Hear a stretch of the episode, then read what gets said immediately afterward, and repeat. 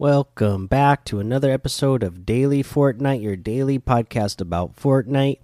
I'm your host, Mikey, aka Mike Daddy, aka Magnificent Mikey.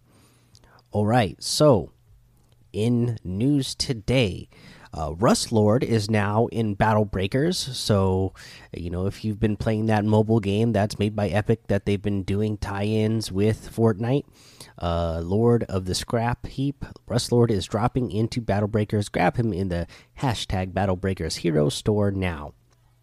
Uh, you know, I was going to play this game uh, to get unlock the outfit that they had for Save the World. The, what was it? Kurohomura outfit uh, for Save the World.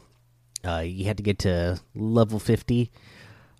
I've just been so busy at work the last month that I never got into playing it. Uh, but as things slow down, maybe I'll get back in uh, to trying it and see if I can get to level 50 so I can get that free item. But if that is something that you've been playing, Rust Lord is a pretty cool outfit in Fortnite, so I'm sure it's cool in Battle Breakers as well. Uh, and then again, not a whole lot of real news going on, so I'm going to pull this from Twitter. This was from Ninja, of course.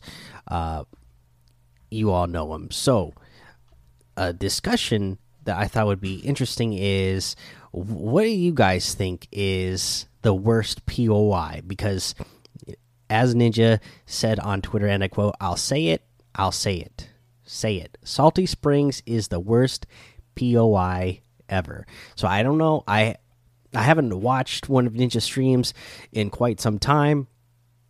And I don't know if he elaborated any more about this on one of his streams. Uh, but yeah, you know, Salty Springs uh, is not one of my favorite POIs, that's for sure.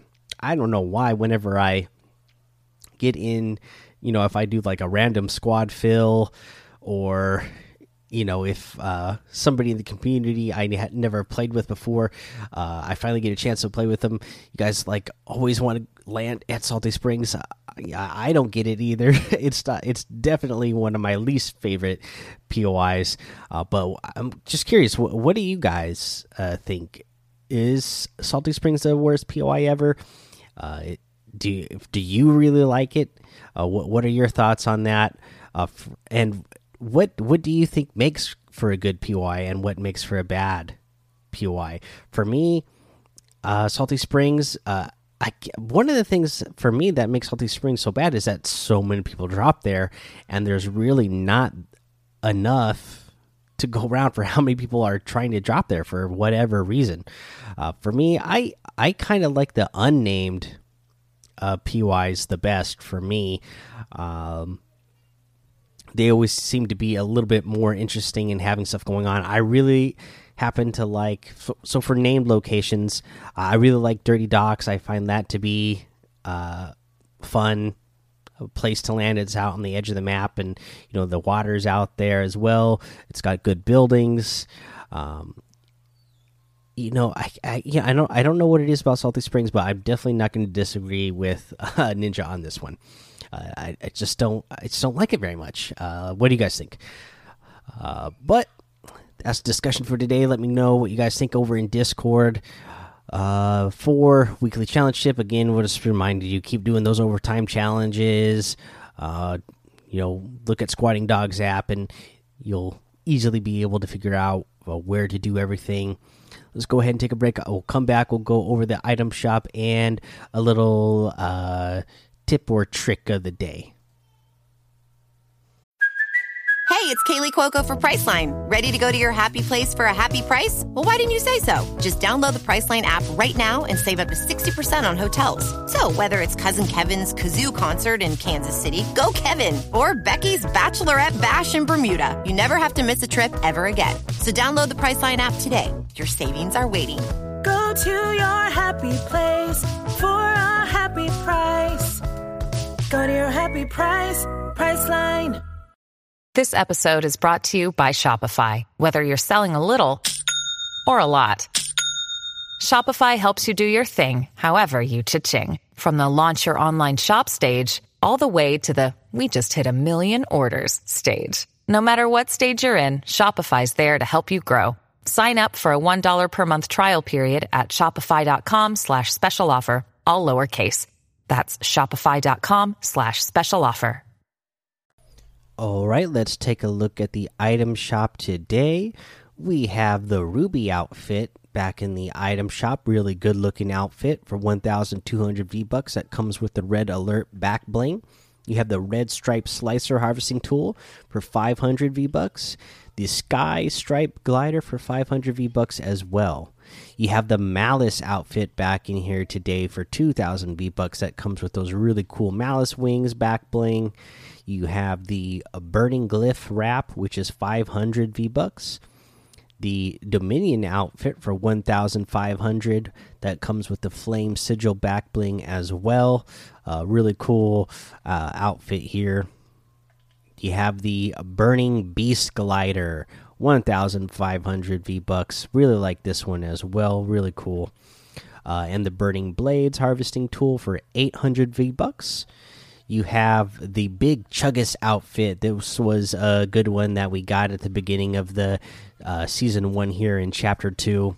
Again, I like this one because it reminds me of Bane for 1,500 V bucks, and it comes with the Juggus back bling as well. The double tap harvesting tool for 1,200 V bucks. The slurp wrap for 300. You have the Highlander or the Highland Warrior outfit that uh, that is 1,500 V bucks with the buckler back bling. Pretty cool back bling.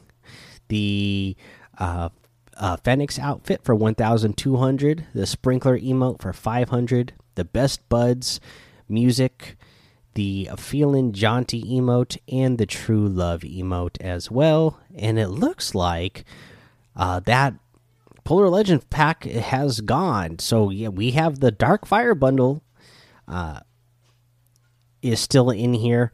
Uh, but yeah, that's what you can get in the item shop today. Uh, if you use code Mike Daddy M M M I K E D A D D Y, it will help support the show. Hashtag sponsor. Uh, let's see here, guys. So here's a little tip, or let's just call this one a little trick of the day. So this is something I didn't know, but uh, I was playing with Bob uh, the other day, and uh, have you ever pl been playing with your friends, playing duos or playing squads? and you get stuck when you're you're spectating your friend and you can no longer bring up the mini map uh, and this could be you know this could be huge i mean there might you might see something on the map that you want to uh, mark for your friends so you want to bring up that mini map so you can mark it for them where it was that you saw something or you just want to bring up the map and you can kind of like as the zone is moving, you can kind of coach them and let them know which direction the zone's going to be moving or what rotation is going to be uh, best to take next. Well, if you get stuck on that on just spectating and you're not able to bring up that mini map, if you spam your inventory button, whatever button it is for your input, you know whether you're on controller, PS4, Xbox, or if you're on uh, PC, if you keep spamming that, it will eventually fix the bug, and you'll be able to start bringing the mini back mini map back up again, uh, so that you can uh, help your teams, uh, your teammates out in that way. So that's a cool little trick that I didn't know. Uh, you know, and this is something that has happened to me plenty of times where I get stuck, like, oh man, I can't bring up the map, uh, and help you guys out by at least uh, calling different things out, out about the map or marking things uh, on the map. So I think that's a pretty good, uh, useful thing. All right, guys, that's the episode for today. So go join the daily Fortnite Discord and hang out with us. Follow me over on Twitch and YouTube uh, and Twitter, Mike Daddy on all of those. Head over to Apple Podcasts, leave a five star rating and a written review for a shout out on the show. Subscribe so you don't miss an episode. And until next time, have fun, be safe, and don't get lost in the storm.